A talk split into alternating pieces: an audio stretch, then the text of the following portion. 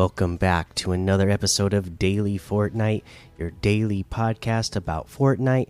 I'm your host, Mikey, aka Mike Daddy, aka Magnificent Mikey, and today there isn't news to talk about. You know, we're on our countdown to the live event, just five days and about 17 hours, five days and 17 hours away at the time of this recording. So we are getting close, getting excited, ready for it. For now, let's take a look at some LTMs that we can play in the meantime while we're waiting for the new event. Stuff like Venice Gun Game, uh, Invisible Roamers, Trans, wait, Train Station, Find the Hidden. Come on, it's not showing me everything. Okay, City Wars, Ice Moon Event, Space, uh, 1v1, Opedro Build Fight, Backrooms, Free for All, Tilted Towers, Realistic PvP, Mythic, Agency Zone Wars, and of course, there's a whole lot more to be discovered in the Discover tab. I do have Liam with me here today, so if you hear him cooing in the background, he does not want to leave my side, so he is hanging out with me. Let's take a look at these uh, quests. Weekly quest, week 10. I've been going through and getting all of my weekly quests done now, getting all caught up.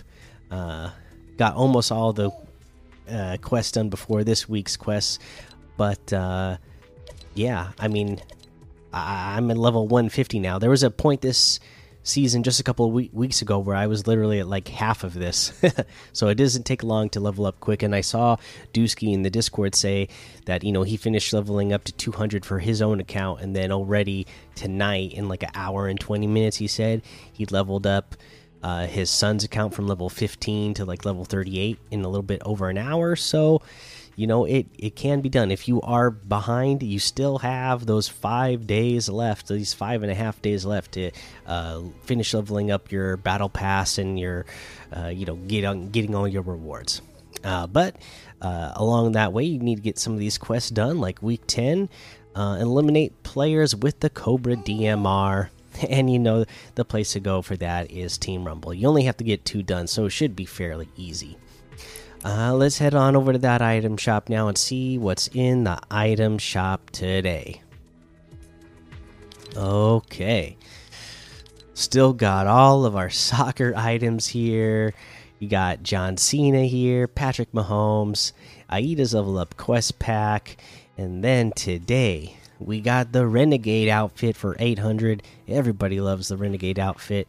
We got the Grim Fable outfit with the pack leader backbling for 1500 one of my absolute favorites from chapter 2 we got the fishing emote for 500 the Toosie slide emote for 500 the it was a, all a dream music for 200 jubilation emote for 200 a goat outfit is still here for 1200 uh let's see here. We got the athleisure assassin outfit with the hot holster backbling for 1200 palm pummeler's harvesting tool for 500 we got the vector outfit for 1200 the ion glider for 800 the wild tangent harvesting tool for 500 the hex form wrap for 500 uh, let's see here.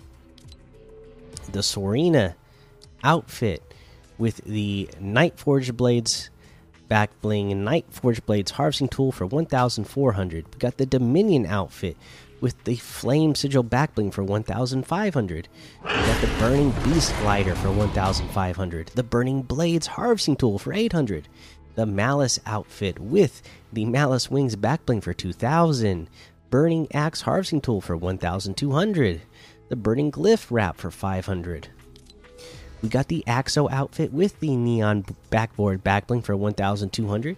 The Brine outfit with the Coral Cowl backbling for 1200. Axolotl harvesting tool for 500. Lapis Trident harvesting tool for 500. The Bush Ranger outfit with the Buzzy Bag backbling for 1200. Honey Hitters harvesting tool for 800.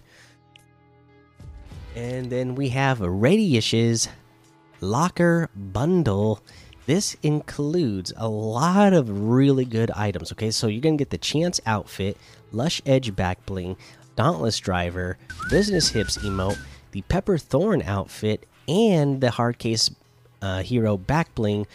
Uh, and let's see what the total for this is. I already own a couple of these items, uh, but if you don't own any, it'll be a total of 2,500, which is 1,200 off the total. It's a really good deal.